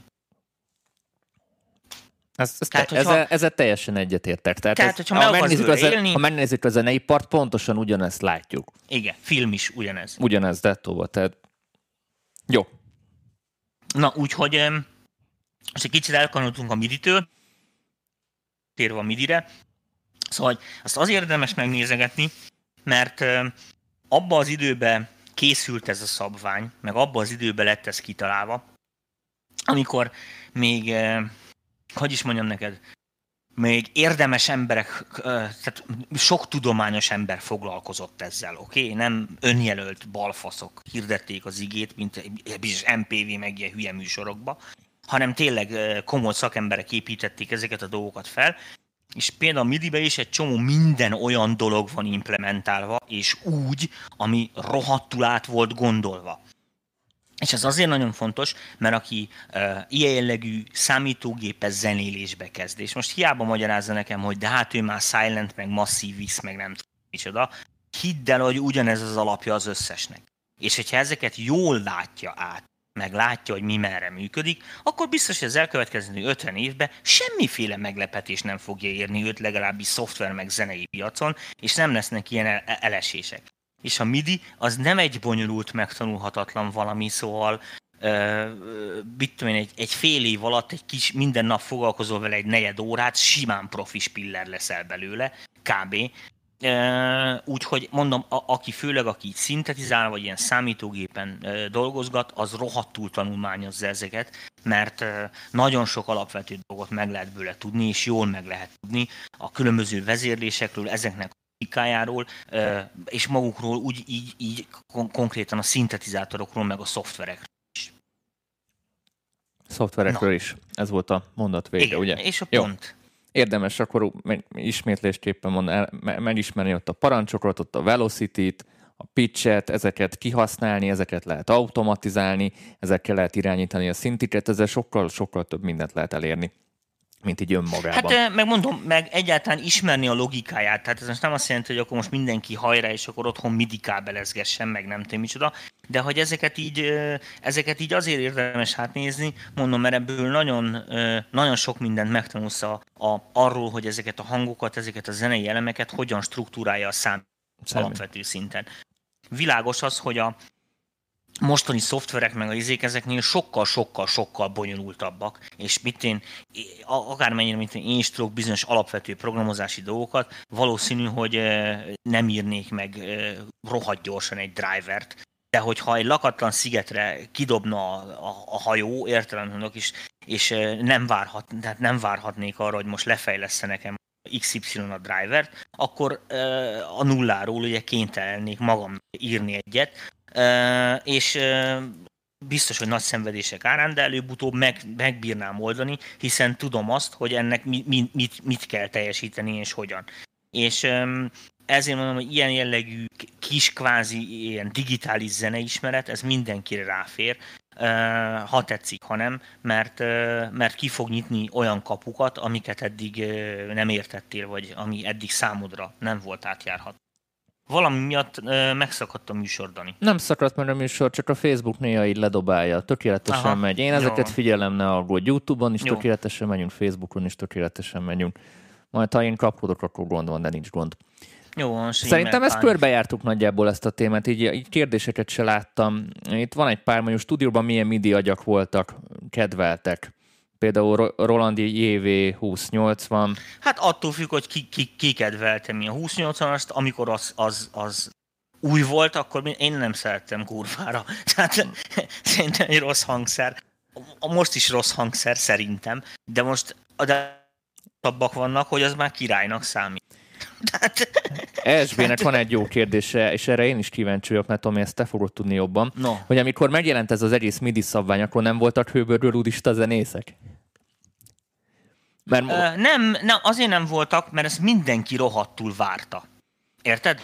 Aha. E, ezt úgy képzeld el. Tehát akkor nem uh, volt az, hogy úristen, itt már lehet kvantálni, meg ilyesmit, és akkor az már nem igazi zenész, és akkor az már nem tud játszani, hanem ennek így... Fie, ez, e, abban az időben még ezt nem így gondolták. Aha. Tehát a 80-as évek az nem arról szólt, hogy az embereknek adjunk üres dobozt, és kérjünk érte pénzt. Ezt csak 2000-ben találtak, ez a mark. Aha. még nem volt marketing.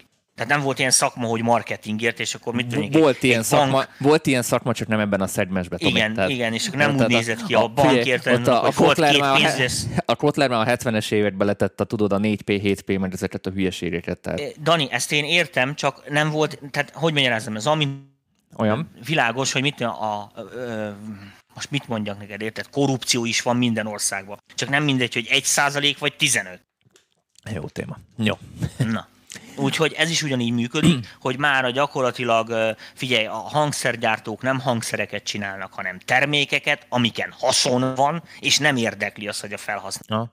róla. Valójában, hogyha bármi baj van, akkor kihoznak egy MK2-est, és lehúznak róla még egy bőrt. Szóval ez gusztustalan, de ezt mondhatnám a hangkártya piacra is, meg mit tudom, és tényleg. De ez az autóipar mondjam, is erre van, hogy... Autóipar is ugyanez. Tehát azt kell, hogy mondjam, hogy, hogy tíz évente egyszer történik valami, mm. tényleg valami.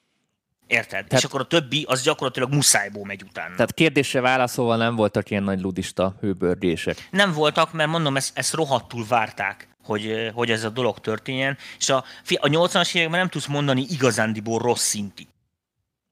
Tehát gondolj bele, most akármit nem ezekről tényleg ezekről a kétpálcás izé, búcsús izé, szintetizátorokról beszélek, amit a céllövöldébe lehetett lőni, és akkor egy pü, pü, pü, kiadott ilyen hangot. Volt bármi hangszer, még egy, még egy ótvar kázió is, ami akkora, az akkori Béringer volt, vagy nem tudom, hogy hogy mondjam nektek. Igen. olyan, olyan cuccokat gyártott, értem, Értem. Leveszel, megnyomnád, és oszt a kurva, érted? Hogy, hogy ez milyen érdekes, meg, meg kreatív, meg nem tudom is. Tehát sokkal több, sokkal több hozzáadott érték volt a termékekben, mert mondom, nem ez volt, hogy egy, egy dobozt adnak, gyakorlatilag színes, nagyon színes dobozt. Érted, amint villognak a ledek, és igazán szart se csinál. Youtube-on találtam még egy érdekes kérdést, aztán szerintem ezt így körbe is jártuk. Van olyan MIDI-file formátum, amit szövegszerkesztővel is lehet értelmezni? A pont mit binárisnak tűnik. Ha Music XML mennyire szabvány? Használják hát, egyáltalán? Fél, meg, lehet nyitni, meg lehet nyitni szöveges editorba is, vagy mit tűnik, de hát Hex editorba megnyitod, azban, azzal már jó. Uh-huh. Tehát bele lehet editálni, világos, hogyha ennyire pro akarsz lenni. Hát én mondtam azt, hogy az igazi hangmérnök értelmondok, az semmiféle ekut nem csavargat, meg minden. Fog, nyit egy üres fájlt, értem, és akkor bitenként meg lehet írni a mastert. Érted, hogy mit akarok mondani? Tehát elég okos, hogy akkor kitalálod a samplingeket, hogy jönnek a PCM minták sorba, és aztán lehet ezt idáig fejleszteni, annál jobban semmi nem fog szólni. Jó van, srácok, szerintem akkor ezt körbejártuk. Ha, még, ha nincs így ezzel a témával... Ha nincs kérdés, akkor... Akkor, akkor, akkor ja. búcsúzunk, búcsúzunk tőletek. Ö, érdemes akkor így házi feladatnak mindenkinek így átnézni a funkciókat. Nem, még egy dologgal adós, adósok vagyunk Na. egy kicsit, azt kifejtettük, mert ugye nem mondtuk el, hogy mit gondolunk a jövőről. Hogy mi, mi, lehet, Tehát, mi lehet ebből? Tehát itt, hát, mond, itt mondtad a legnagyobb probléma, a, itt mondtad a legnagyobb probléma, ami a latency. Igen, igen, tehát a, a, a MIDI 2, ugye, ami most jön, ez a 2.0, amit majd meglátjuk, hogy kifogad el és hogyan, mert egyedül azt hiszem egy darab unit van rajta, a Roland csinált egy olyan master keyboardot, amin már van MIDI 2.0-ás kimenet is. Mert nyilván ennek a lehetőségei. Um, nyilván, nyilván egy csomó mindennek vannak lehetőségei, de hát ugye ne felejtsétek el, hogy mára egy hülye szituáció állt elő, érted, hogy web vérpistikék programozgatnak hangszereket. Tehát ők csinálják a sok hülye plugint, meg a szoftver hangszert, meg mit és, és és már nem a D. Smith-eken, meg a Yamaha-n, meg a Rolandokon, meg azokon a mérnökökön, akik erre dedikáltak, ezeken múlik ez a dolog. Mondjuk itt, ami, amit szeretnék, hogy marketingesek írják a programokat. Igen, marketingesek írják a programokat és ezeknek a legkisebb bajuk az, hogy a felhasználót hogy szolgálják. Mm. A, legnagyobb, a legnagyobb bajuk annyi, hogy ezzel hogy tudnak pénzt keresni, még akkor is, hogyha ingyen adják. Tehát például, most csak egy érdekes példát mondok nektek, én ugye a 80-as években a szemplerezés már nagy volt a 90-es évek legelején. Abban az időben nem volt sok sampling pak, de azok, amik voltak, azokat úgy az ember úgy összegyűjtögette meg, mint én Figyeljetek, én azóta abból élek. És se a Speedfire Audio semmi nem tudta még azóta se tud dobni. Mert még a legdrágább 4-5 ezer euró pakoknál is sajnos olyan kutyaütések vannak, fázishibák, trehányság, elhangolt hegedű, izé nem, hanyagság felszórva gigabájtok tömkelegébe, és világos, hogy az emberek szart se tesznek paraszt. Értem? Meg valljuk meg, amit akkor használt, az most ismét visszajött. Nem csak az, hogy ismét visszajött, De. most is ugyanaz van. Tehát egy TR-909-en mit, mit javítasz? Semmit, semmit. Na. Tehát, Tehát most is ugyanúgy, ugyanazokat a mintákat igen, használjuk. ugyanazokat csavargatod, érted, hogyha mákod van és, hm. és nívpultod, akkor azon. És akkor tök jó lesz. Most ezeket be lehet szemplingelgetni, meg mit tűnik, és ez az sem mindegy, hogy hogy vannak ezek a pakokba. Szóval ez ö, átment az egész egy ilyen gusztustalan tömegtermelésre. Ezt nem tudom jobban mondani nektek. Tehát, ö, tehát ö, nagyon nehéz ö, sajnos a mostani embereknek ebben jól navigálni, és olyan eszközöket találni, meg hogyjákolni, ami, így mondom nektek, tényleg, tényleg segíti a kreativitást, és olyan dolgokat lehet vele csinálni, meg is lehet velük csinálni, ami tényleg jó, és nem akad el kurva gyorsan még hegyes halom előtt. És nagyon-nagyon-nagyon kevés ilyen dolog ki, és sajnos ezekre, ezekkel a gyártókkal kutya nehéz düllőre jutni. Hiszen hiába hozol te akármilyen szabványt, érted? Gondol egyet a mit témésed, és akkor kidobják a 86. DAF szoftvert. Érted? Ami nem WAV-ba ír, hanem mit mondjál valami nyomorék, az meg. WAV HD. nem használt, WAV, meg. most... Lossless audio, az meg Flatsba, meg ezek a hülyeségek, az meg, mert valakinek mindig ki kell találni valamit, érted, amit mondok, ami még addig nem volt. Ö... Szóval... Egy kis teoretikus kérdés. Ha te bármit mondjuk tudnál változtatni, és, és ez így csettintésre meg lenne, mi az, amit mondjuk ezen a fronton mondjuk megcsinálnál? Mi lenne így neked ez ilyen... ilyen, ilyen Oktatás. És mit... Tehát én azt mm. csinálnám meg, nyugaton is sajnos, már, már látszik az, hogy a hülyeségbe tartják az embereket. Tehát uh, annyit, annyira kisminkelik, értem, amit mondok, tehát hogy mondjam, kiszáll a Forma 1-es kocsiból, bazd meg, most, most ennek a Schumacher jutott eszembe, kiszáll a Schumacher, és milyen és milyen volt a futam, mielőtt elmondhatná, hogy milyen volt a futam, tehát addig, amíg így beér a riporterek elé, az meg kisminkelik és letörlik róla az izzadságot. Minek? Tehát, és akkor az emberek azt gondolják, érted, hogy a Forma 1-es autó az egy tök kényelmes valami, csak kurva gyorsan megy. Érted? És akkor amikor hogy megnézed, az hogy egy, egy futamon csak egy ilyen nyomorék pilóta, aki ott van, az meg 5,5 kilót fogy 5 óra alatt, vagy másfél óra alatt, meg 4 kilót, mert ez a tök átlag. Vízveszteség, izéhaszom, izomtömeg, és érted, hát ez világos, hogy kikészülnek, hát meg fognak bele dögleni. Ugyanúgy, hogy a vadászpilóták is. Tehát az nem happy, az nem olyan, érted, hogy lejövök, és akkor díszegyenruhába felpattanok a Yamaha motoromra, és elmegyek a város csajához is döngetem. Érted, ez a filmben volt úgy Tom Cruise-zal. Tehát, érted, mert világos, ennek van egy ilyen aspektusa is, csak nem, nem ez is. Az emberek félre vannak tájékoztatva. Azt mondják a fiataloknak is, hogy nézd csak, itt van ez a gomb, látod, groove, megy, kész, már tudsz zenéni, sztár leszel. Dehogy leszel. Dehogy leszel. Tudod, hogy a marketingesek álmot árulnak. Igen, így van. Álmot árulnak, értem, de ez nagyon rossz. Az embereket szólni kell nekik, hogy figyelj, barátom, valakinek meg kell kapálni a krumplit, különben szar lesz.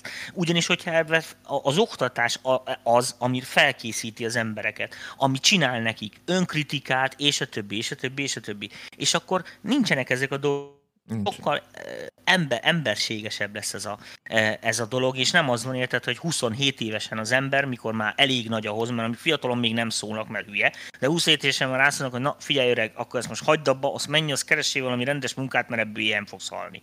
Tehát Érted? És onnantól kezdve elég pocsik az élet, mert még sok van belőle hátra. Ez így Érted? van. Ez így van. Jó van, Tomi. Szerintem ezt túltárgyaltuk. Köszönjük szépen mindenkinek a megtisztelő figyelmet. Aki lemaradt volna a műsor elejéről, ne aggódjon. Fú, a miditől azért hogy elkanyarodtunk? igen, igen, igen, igen. Er, De ez most vártam. mind azért van. Figyelj, elmondom, mert az emberek tartozok ezzel, hogy, hogy ezt elmondjam. Nagyon aranyosak a, a, a mindenféle fiatal kezdők, most rengetegen írnak rám Facebookon. Részint azért, mert idejük van, másik részről tök, nagyon örülök annak, hogy sok, sok ember nézi a műsort, meg hallgatja, és hát azt nem tudom elmondani a milyen hangkártyát vegyek, ugye? Minden második kérdés az ez. E, tehát ha öngyilkos leszek, akkor tudjátok, hogy miért.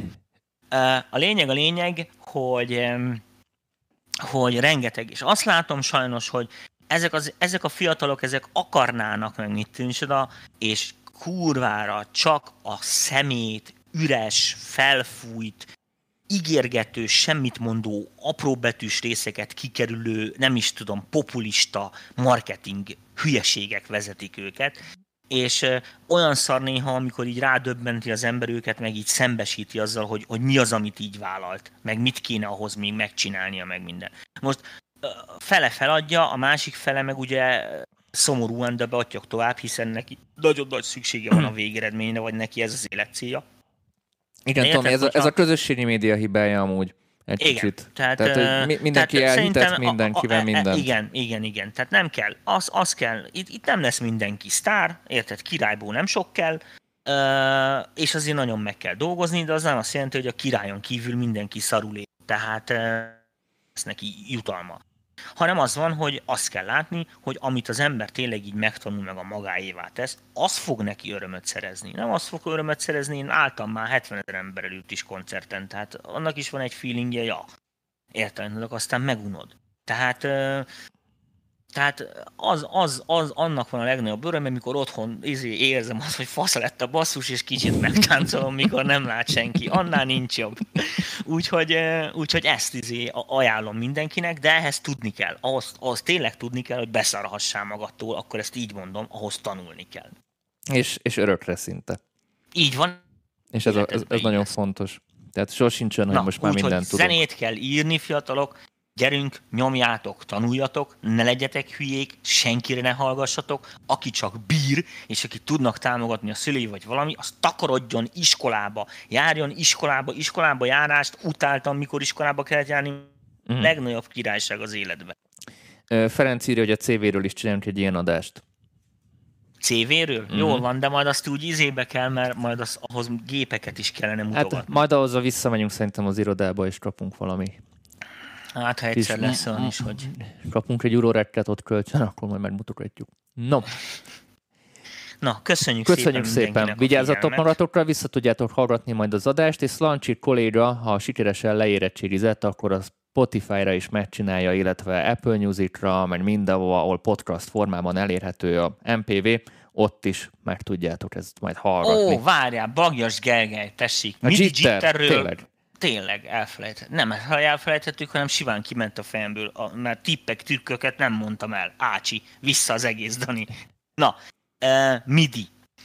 Uh, pont azért, mert elkezdtem mondani, aztán nem tudom mi miatt kanyarodtunk el, tehát pont az, hogy um, én mondtam, hogy a, mivel soros az átvitel, ezért az van, hogy egy, a 90-es években, amikor így már elkezdtek az emberek átmenni megalománba, akkor megjelentek azok a MIDI interfészek, amiken ilyen 8 meg 15 port, vagy 16 port volt. Igen, erről már picit szó Rengeteg uh, izék, uh, hogy kurosok hangszer tudjál párhuzamosan, uh-huh. hiszen a számítógépek már ezt lebírták kezelni. Aztán már ilyen timestampelt MIDI adatokkal kommunikáltak a, a MIDI interfészek, meg a számítógép, hogy még ott se legyen csúszás, meg pontosították. Ennek ellenére a MIDI-nél a soros átvitel miatt ö, alapban van egy ilyen 1-2 millisekundumos lötyögés. Ö, aszinkron átvitel van, ugye, hogy real-time legyen. Most az van, hogy ezt nem nagyon lehet pontosítani. Tehát ez a rendszer technikából adódik. Az 1-2 milliszek az nem egy olyan nagy, az nem egy ilyen roppant nagy probléma normális esetben egy zenénél, de világos, hogy ahogy a MIDI kábelen elkezdenek nőni az adatok, tehát elkezdesz még két szűrőt modulálni, meg húzogatni, meg így vezérelni, meg amúgy vezérelni, akkor ugye ez, ez, a, ez a lötyögés, ez a jittering, ez egyre nagyobb lesz ilyen szempontból. De szerintem a latency még mindig gázabb, mint a jitter, nem? De a MIDI nincs latency, tehát olyan gyors a válasz feldolgozás, ezt el sem bírod képzelni ebből a szempontból. Nem hang, de tehát itt nincs hangszer és hangszer közötti különbség latency De van, tehát világos, hogy mit egy Yamaha meg egy Roland az lusta, mint a dög, egy Nord például rohadt gyors, vagy egy EMU, az hagyományosan ilyen villámgyors mhm. hangszerek mm-hmm. voltak, Kurz is nagyon gyorsan válaszol. Tehát mm. világos, hogy e-, e- ezek nézik, de most itt a, érted, most összehasonlítás képen mit tűnik egy, egy Rolandnál van, mit tűnik 3-4 milliszek latency, érted, amit mondok, egy, mit tűnik egy Emunál meg egy. Uh-huh. Érted? Tehát um, amíg így feldolgozza az adatokat, Aha. nem is ez a, a, a lényeg, hanem az, hogy és van egy speciális állapot, eh, aminél nagyon fontos, hogy ezt a fajta jittert kerülni tud. Tudjuk. Vannak olyanok, főleg most látom egy-két embernél, árulnak mostanában olyan szintetizátorokat, amikben ilyen analóg step szekvenszerek vannak vágott, tehát hogy ilyen mindenféle hülyeség tudjál vele, tehát CV-ket tudjál vele csinálni ugye az analóg szintiken. Ugye ezeket az analóg, ezeket a step szekvenszereket akarnál az ember ugye szinkronba tenni, tulajdonképpen, a izével, a, a számítógépével. Uh-huh. Na most ilyenkor ugye a legjobb megoldás az, hogyha hogyha egy ilyen MIDI timecode-ot, vagy semmit nem is MIDI timecode-ot, hanem egy ilyen MIDI tempójelet küld neki. Ami azt jelenti, hogy a MIDI-n minden egyes ütemnél, ilyen kvarternél, tehát minden ilyen negyednél elmegy egy ilyen tempó információ. Hogy akkor most egy negyed, megint egy negyed, megint egy negyed. És akkor ezeknek az idő különbségéből ehhez hozzá tud állni uh-huh. automatice, mondjuk egy ilyen step sequencer. Na most, amikor ilyen adatokat küldünk, akkor azon a MIDI kábelen mást ne küldjünk. Mert hogyha az a dolog elkezd jitterelni, akkor viszont ezek a fajta szinkronok, ezek nagyon gyorsan szétbírnak esni, mert sajnos a MIDI az ennyire nem pontos, mivel 31 ezer kilobód az átvitele. Mm. Ennél egy jobb megoldás, amit régen is használtunk, nem véletlenül volt egy-két ilyen nagyon csillivili hangszeren, úgynevezett ilyen LT, tehát ilyen Longitudinal Code, LTT, um, LTC uh, bemenet, aminek az volt a lényeg, hogy tulajdonképpen egy ilyen dedikált uh, csatlakozón, vagy egy ilyen, tulajdonképpen ez egy sima uh, jack kábel volt, egy ilyen LTC, tehát egy ilyen longitudinal timecode jelet kapott, ami viszont már millisekundum pontos volt, tehát sőt, később, amikor ugye még komolyabb ilyen klokkokat, meg minden ilyeneket gyártottak ezekhez, akkor gyakorlatilag már ilyen mintapontosan lehetett hozzá szinkronizálgatni. Ez most azért nagyon-nagyon fontos, mert például majd a MIDI 2 már ott, ott lesznek erre lehetőségek, tehát hogy sample accurate tudjon lenni a vezérelt berendezés is, és ezeket a dolgokat meg tudják oldani, tehát a jövő az mindenféleképpen ebbe az irányba lép el. A, a technikai probléma ennek az, hogy mindeközben fel kell tartani a real-time-ságát, tehát nem nagyon lehet ugye pufferelgetni, tehát nem tudod azt csinálni, hogy ilyen ilyen 32-es, meg 64-es puffereket, meg ilyeneket beépítgetsz, mert ugye az rögtön ilyen mm késéseket generálna, és amikor így mit tűnik, a 86 ezredik hangszert fűzöd át, akkor ott már azért nagyon sokat jelentene. Úgyhogy Úgyhogy, úgyhogy ez, ez, ez, tehát aki most használja a MIDI tierre, az mindenféleképpen vegyen egy ilyen több MIDI kimenetes ö, eszközt, tehát amin, hogy ne csak egy MIDI csatlakozója legyen, és akkor amikor ilyen, mondjuk egy ilyen külső analóg szekvenszert, vagy ilyen, amit akar ilyen szempontból, mondjuk, vagy egy elefót, érted, akar egy szintetizátorba szinkronizálni, vagy mit és MIDI ö, tempó kell neki küldeni, akkor az egy ilyen dedikált kábelem a hangszer felé, és lehetőség szerint azon ne nagyon menjen másodat. Tehát tudod, nótonok, kontrollerek, vagy akármilyen dolog, mert mondom, az növeli ezt a fajta lötyög, meg minden, ami most a mostani számítógépes davos világban már nem annyira menő, hogy így mondjam. Tökéletes, Na. tökéletes. Hát ez akkor itt teljesen bezártuk így a képet, és mindenki remélem képbe is került. Akkor még egyszer mondom, Spotify-on is elérhetitek majd az adást, de majd felkerül műsor után mind a kettő platformunkra is, Facebookra is, meg YouTube-ra is Holnap akkor jön ilyen tippek, trükkök jovat, és csütörtökön megvárunk minden kérdéseket a kérdezfelelek adásunkba. Az nagyon-nagyon népszerű mostanában, úgyhogy várunk titeket sok szeretettel. Igen, és még egyszer nagyon szépen köszönjük a figyelmet. Köszönjük szépen, vigyázzatok magatokra, jó éjszakát, sziasztok! Puszi, sziasztok!